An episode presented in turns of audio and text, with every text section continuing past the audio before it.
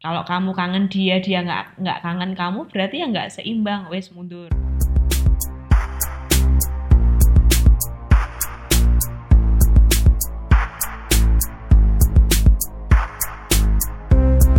podcast yang muncul karena ada guru yang dibalas dengan air tuba. Podcast yang muncul karena ada murid-murid yang malas dekat sama gurunya. Dari problema dua pihak ini, maka muncullah telur. Arsitektur ngelantur. Hey, kembali di Si Telur, arsitektur ngelantur. Nah, kali ini Bu Bibi sendirian, nggak punya teman. Karena bingung mau ngajak siapa, karena ini adalah materi Mektek kan. Nah, kalau me kalau Mektek mesti uh, tidak banyak yang tertarik gitu loh. Jadi bingung, tadi sempat ngajakin temenku yang dia dulu di perkapalan, biarpun ada mekanika terapan, cuma dia bilang, wah rawani ris, rawani aku wis uh, wis lali banget, nggak ada materi ya sama aja gitu. Kalau nggak tahu materinya sama aja. Nah teman-teman hari ini itu podcastnya Bu Vivi sendirian uh, materinya ini adalah materi tentang mekanika terapan. Nah, mekanika terapan ini itu uh, pelajaran anak kelas 1, anak kelas 10, jurusan desain, pemodelan dan informasi bangunan. Kebetulan saya kok yang mengajar, sialnya. sialnya aku yang mengajar, ya ampun. Terus habis itu kemarin saya sempat bingung mau apa ya podcastnya yang Mektek apa ya karena apa karena uh, semester 2 ini kita udah masuk bukan kita sih tapi materinya itu udah masuk yang hitung-hitungan cara ngitung beban gimana cara ngitung beban merata kayak gimana uh, saya masih ingat minggu kemarin itu uh, bukan bukan minggu kemarin maksudnya. Tapi sebelum ada covid ini saya bilang besok kita akan belajar tentang NFD, BMD, dan seterusnya. Dan itu semuanya itu hitung-hitungan. Nah wong kalau di kelas tak jelasin aja kalian ya satu dua sih yang mudeng. Nggak mudeng apalagi kalau misalnya saya cuma ngomong. Oke okay. uh, eh, jadi kemarin hari Senin itu uh, saya sempat nge-share di WhatsApp grupnya kelas 1 itu saya pengen kalian teman-teman kelas 10 DPIB ngumpulin pertanyaan. Nah, kemarin su udah banyak yang udah banyak yang ngirim. Bentar, tak coba tak buka ya. Nah, ada nih yang dimaksud keseimbangan gaya pada mekanika terapan itu apa sih, Bu? Bagaimana cara meminimalisir terjadinya runtuhnya sebuah bangunan yang disebabkan karena gempa? Jawabannya adalah tidak usah membangun rumah. Karena kalau misalnya kalau nggak ada rumah berarti kan nggak akan ada yang runtuh. Terus ada mengapa struktur sangat penting, ya sangat penting. Tapi nanti ini cuma ya pertanyaannya. Ada nih yang belum ngumpulin pertanyaan. Absen nomor 5, absen nomor 13, absen nomor 24. Terus baik, uh, satu-satu saya akan bahas ya. Yang bisa saya jawab akan saya jawab sebenarnya dari tadi saya udah ngumpulin materi ini banyak uh, sebenarnya saya pengennya juga Q&A tapi pas tak baca itu ada beberapa soal yang sama jadi kurangkum nih ini ada beberapa pertanyaan yang udah ada yang udah tak jadiin satu yang pertama, keseimbangan gaya pada mekanika terapan itu kayak gimana? Gempa, bagaimana sih agar tidak runtuh? Terus struktur sangat penting itu kenapa? Nah, sekarang akan saya jawab satu-satu. Jadi keseimbangan gaya pada mekanika terapan. Keseimbangan gaya itu apa sih? Sebenarnya kalau misalnya kita dengar kata seimbang, berarti kan itu harus sama besarnya, apa pun itu. Kalau misalnya cintaku ke kamu gede, berarti cintamu ke aku juga gede. Itu namanya seimbang. Tapi yang kita bicarain itu adalah beban. Nah, kalau beban atau gaya, eh, keseimbangan gaya atau keseimbangan beban itu adalah dua gaya atau lebih. Jadi nggak cuma dua gaya, bisa 3, 4, 5, 6, 7, 8, 9, 10, 11. To be continue. dua gaya atau lebih yang besarnya sama. Gayanya itu gedenya itu sama. Selain sama, dia juga bekerja di garis kerja yang sama pula. Dan arahnya berlawanan. Ini harus diingat-ingat. Jadi misalnya kalau ke kanan itu 5 Newton, ke kiri dia harus 5 Newton. Itu namanya baru seimbang. Kalau kamu kangen dia, dia nggak nggak kangen kamu, berarti ya nggak seimbang. Wes mundur. gitu. Itu tentang keseimbangan gaya. Terus ada nih uh, pertanyaan lagi. Absen nomor 2. Bagaimana cara meminimalisir terjadinya runtuhnya sebuah bangunan yang disebabkan karena gempa? Uh, kalau tadi Bu Bibi menjawab, tidak usah membangun rumah. Itu bercanda sayang, bercanda sayang. Nah, uh, ada beberapa hal-hal yang selalu di diperhatikan sama perancang Nah, ini yang akan saya sampaikan itu ada lima. Yang pertama, kekakuan dan kekuatan. Nah, kekakuan dan kekuatan itu pastinya adalah tentang strukturnya. Jadi ada kolom, ada balok, ada pondasi. Nah, struktur itu itu bisa e, menahan beban vertikal dan lateral atau horizontal. Nah, karena gempa itu biasanya cenderung uh, cuma mengakibatkan gerakan vertikal daripada gaya lateral atau horizontal. Biasanya kalau yang lateral itu beban angin, uh, puting beliung, lesos, gitu-gitulah. Itu yang pertama. Yang kedua itu keteraturan. Keteraturan itu pasti ada kaitannya dengan kekakuan dan nggak apa-apa, nggak apa-apa. Terima kasih, ya ampun. Kenapa orang saya ditontonin ngono itu? Nanda? Iya. Bilangin hati-hati ke Semarangnya gitu. Hati-hati ke Semarangnya. Oh, udah toh. Ya udah. Ya Allah tekan ngendi mau. Oke, keteraturan. Jadi keteraturan itu pasti ada sangkut pautnya dengan kekakuan dan kekuatan. Karena kalau misalnya nih ada bangunan tinggi itu pasti uh, ada gridnya. Kalian pasti sempet kalau di kelas kan pernah tak sampaikan tentang grid kan? Jadi ada kolom B1, B2, B3 dan selanjutnya. Nah kalau yang kotak-kotak itu namanya grid kalau misalnya teratur, otomatis dia akan kaku.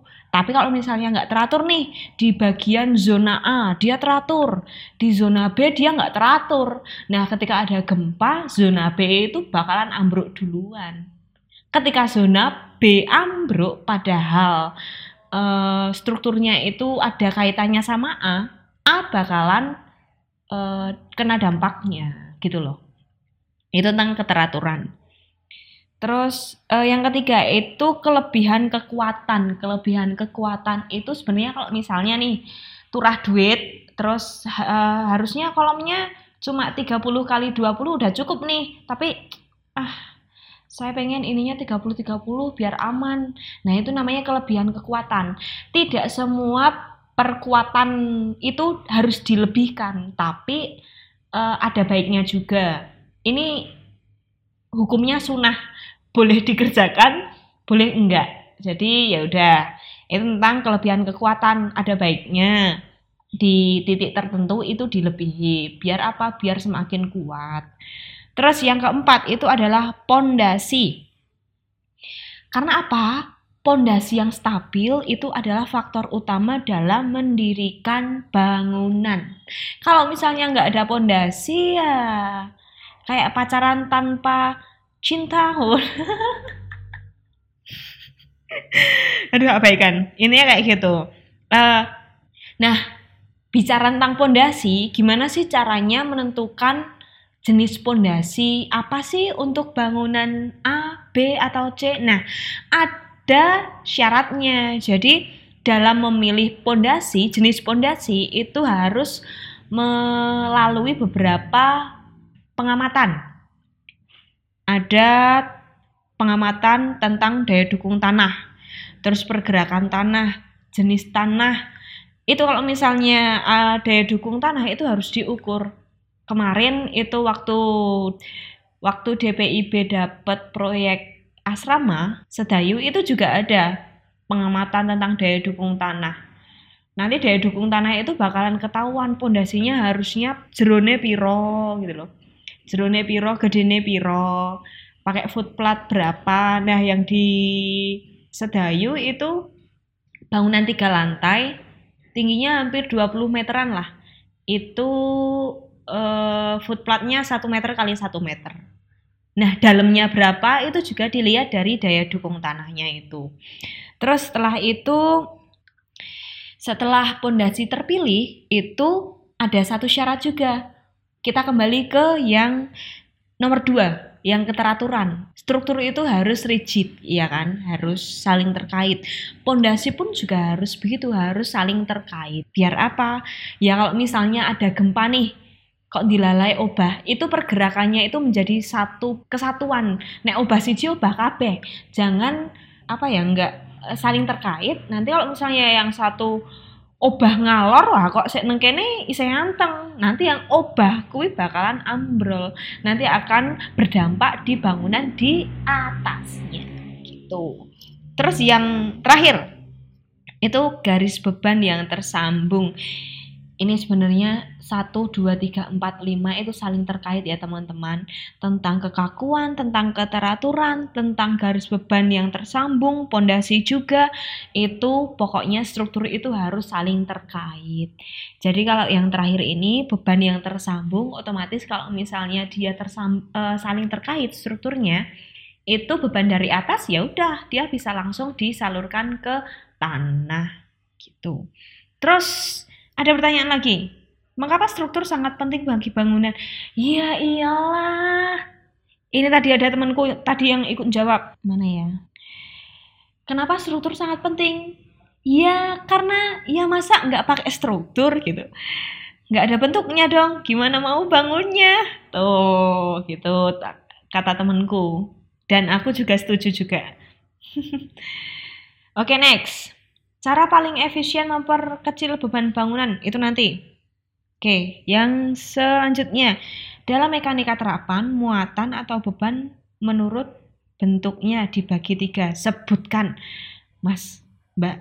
Kan aku minta kalian itu Ih kok malah kayak aku terus yang tiga pertanyaan sih? Aku sing diuji kalian tuh gimana sih? Ada Oke, beban itu ada tiga teman-teman beban atau muatan ya tadi ya pertanyaannya. Muatan mati muatan hidup muatan angin. Kalian kemarin sudah dapat. Itu ada kombinasinya. Itu kemarin ada kombinasinya. Silahkan dibuka lagi. Terus next. Cara menghitung reaksi tumpuan pada konstruksi statistika. Ada dua cara. Caranya adalah grafis dan analitis. Kalau yang biasanya kita pakai adalah analitis. Pakai grafis itu paling mudah. Itu kalau pakai AutoCAD langsung kelihatan garisnya, uh, dia presisi panjangnya, presisi skalanya, ketika diukur presisi juga ukurannya. Gitu. Next. Beban tak merata, beban khusus, beban terpusat. Teman-teman, sebenarnya itu ada tiga. Beban tak merata. Wih, ini ada tiga harusnya. Apa ya tadi ya? Oh ini, beban, sorry, ada tiga. Beban terpusat, beban merata dan beban tidak merata. Kalau teman-teman ingat, ini adalah minggu terakhir kita ketemu dan kita bahas ini. Jadi beban terpusat itu adalah beban yang titik singgungnya sangat kecil yang dalam batas tertentu luas bidang singgung dapat diabaikan. Contohnya itu kalau misalnya eh, roda, roda itu kan dia bidangnya luas, tapi yang bersinggungan dengan tanah dia kecil, makanya dia bisa disebut dengan beban terpusat. Jadi dia pusatnya di satu titik. Gitu contohnya. Terus yang kedua, beban merata. Nah, ini adalah kebalikannya dari beban terpusat. Karena apa? Beban ini adalah beban yang bekerja menyentuh bidang konstruksi yang cukup luas. Nah, e, bidangnya yang menyentuh itu karena luas, makanya tidak bisa diabaikan. Kayak aku tidak bisa diabaikan, cie. WhatsApp nggak di, oh bukan WhatsApp, lain nggak dibalas satu jam aja. Kamu di mana sih? Kamu di mana? Kid, just kid. Bercanda sayang. Nah, selanjutnya adalah beban tidak merata. Beban tidak merata itu adalah beban, sorry sorry, uh, muatan yang luas singgungnya itu merata. Jadi uh, yang yang bersinggungan dengan apa ya uh, strukturnya. Jadi beban yang menyentuh strukturnya itu merata. Misalnya 3 meter nih, semuanya e, nempel, tapi muatannya tidak terbagi merata. Contohnya adalah e, balok yang di atasnya itu ada kuda-kuda. Kuda-kuda itu kan segitiga tuh. Dia yang menyentuh balok itu dia luas, misalnya 8 meter, tapi muatannya itu beda-beda. Muatan itu atau bebannya ya bebannya yang ke baloknya itu enggak enggak sama besarnya gitu loh teman-teman. Gitu.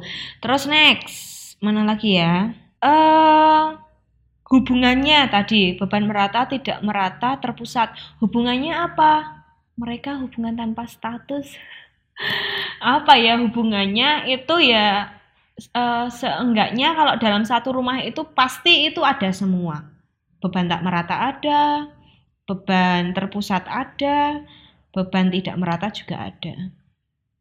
Gitu ya teman-teman. Terus next, beban khusus. Beban khusus. Ini kamu dapat dari mana ya? Saya, saya, saya, be beban khusus. Ini siapa ya yang tanya ya? Beban khusus, beban khusus. Apa yang dimaksud dengan beban khusus dalam mekanika terapan absen 9? Apa ya? Coba nanti tak cari, tak searching dulu ya teman ya nomor 9 saya kok udah buka-buka di otak saya kok belum ketemu ini beban khusus oke okay, next terjadinya beban angin. Oh, gimana sih beban angin itu ada? Apa sih beban angin? Cara memperkecil beban angin gimana gitu ya? Oke. Okay. Uh, eh, beban angin itu biasanya ada atau terjadi itu di high rise building atau bangunan tinggi. Nah, beban angin itu biasanya tergantung di kecepatan anginnya, terus rapat masa udara, banter apa ora. Dia kalau misalnya cepet uh, kecepatannya tinggi tapi dia terbagi rata, itu contohnya. Uh, terus habis itu letak geografisnya itu ada di mana? Ada di bukit kah? Ada di tengah kota kah? ada di pantai kah? Karena apa? Ketika itu ada di pantai, besar anginnya beda dengan yang di tengah kota. Uh, yang di tengah kota itu juga beda anginnya sama yang ada di puncak. Terus setelah itu ketinggian bangunan. Nah, ini juga rumah satu lantai itu akan beda anginnya dengan rumah atau high rise building atau hotel yang tingginya dia berlantai-lantai. Makanya uh, ada salah satu bangunan saya lupa. Jadi ketika dia ada angin gede, dia bangunan tinggi. Saya lupa di mana. Besok diingatkan ya. Itu dia bisa goyang ke kanan sampai berapa derajat goyang ke kiri dia bisa sampai berapa derajat gitu. Nah itu gunanya struktur juga biar karena rigid kan karena rigid dia jadi nggak gampang roboh terus setelah itu kekakuan struktur oh belum tak sebutkan tapi tadi udah tak singgung jadi kekakuan struktur ini juga bergantung juga pada uh, kekuatan bangunan ketika dikasih angin Terus setelah itu mana ini? Apa beban angin tadi udah tahu ya? Beban angin itu adalah beban yang ketika dia kena bangunan itu itu adalah beban horizontal. Beban horizontal itu adalah beban angin. Tuh. Terus setelah itu cara memperkecil beban angin. Apa ya? Kalau bangunan tinggi itu jarang ada bukaan karena semakin tinggi bangunan berarti kan dia juga semakin besar anginnya. Oke, okay, next. Next ya, tumpuan sendi, tumpuan sendi. Oke, tumpuan sendi itu uh, tumpuan yang biasanya juga disebut dengan engsel. Kenapa sih engsel? Karena cara kerjanya itu kayak engsel. Tumpuan ini itu juga mampu menahan gaya vertikal sama horizontal. Contohnya itu kalau misalnya di jembatan-jembatan dia pasti ada tumpuan sendi, ada juga tumpuan roll. Pasti ada dua itu. Terus next, fungsi mekanika terapan. Dalam ilmu-ilmu praktis, mekanika terapan berguna dalam merumuskan banyak sekali mas kekuatan. Itu yang paling penting. Kalau misalnya dalam bangunan, itu contohnya besarnya kolom, terus besarnya balok, terus e, bentang dengan bentang segini, maka baloknya seberapa, itu itu dipelajari dalam mekanika terapan. Gitu loh teman-teman. Gitu ya. Terus setelah itu muatan beban tak langsung. Bentar bentar bentar tak carikan ya. Beban tak langsung itu adalah beban yang eh, tadi Bu Vivi sempat searching nih Muatan beban langsung, suatu beban yang bekerja langsung pada suatu bagian konstruksi tanpa perantara konstruksi lain. Nah, muatan atau beban tidak langsung itu adalah suatu beban yang bekerja dengan perantara konstruksi lain. Terus setelah itu, nah ini nih, tugasnya. Saya tidak akan memberikan tugas yang banyak atau susah karena saya uh, adalah pribadi penurut. Jadi menurut Bapak Elia itu jangan dikasih tugas banyak-banyak. Baik sama Pak Pak Ganjar, jangan dikasih uh, eh, PR banyak-banyak nanti anaknya kelenger. Baik. Karena ketika saya tidak memberikan tugas juga saya enak, kamu juga enak. Ya udah itu adalah kita win-win ya, saling menguntungkan. Tapi saya akan menyampaikan tugas. Nah, di tugas ini itu mengandung dua mata pelajaran. Karena apa? Karena tugasnya itu adalah silahkan kalian membuat video berdurasi minimal satu menit yang isinya tentang rangkuman podcast si telur episode 2 ini. Silahkan dijelaskan. Satu menit. Satu menit harus sudah bisa menjelaskan semuanya yang yang tadi tak jelasin. Terus, uh, oke, okay. Uh, untuk isi video itu nanti akan masuk dinilai mekanika terapan. Nah, untuk yang lain kayak misalnya kualitas video, kualitas audio, terus uh, cara jelasnya kayak gimana, runtutnya kayak gimana, itu nanti akan masuk ke pelajaran fotografi. Uh, gitu ya teman-teman. Targetnya ini dikumpulkan sebelum Oh ini, pengumpulannya, pengumpulannya silahkan dikirim ke email saya at vibianarisa at gmail, kok at tadi? Di emailku, di email saya vibianarisa at gmail.com S-nya 2 pakai V. Sebelum hari sekarang hari Rabu berarti sebelum hari Selasa. Tak tunggu.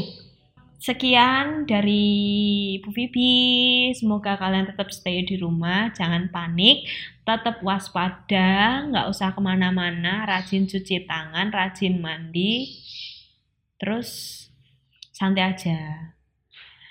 Kalian di rumah ngerjain tugas, nonton drakor juga boleh. uh, udah ya, gitu aja. Aku sudah di WhatsApp Pak Adrian untuk diajakin mabar. Bye, sarangi.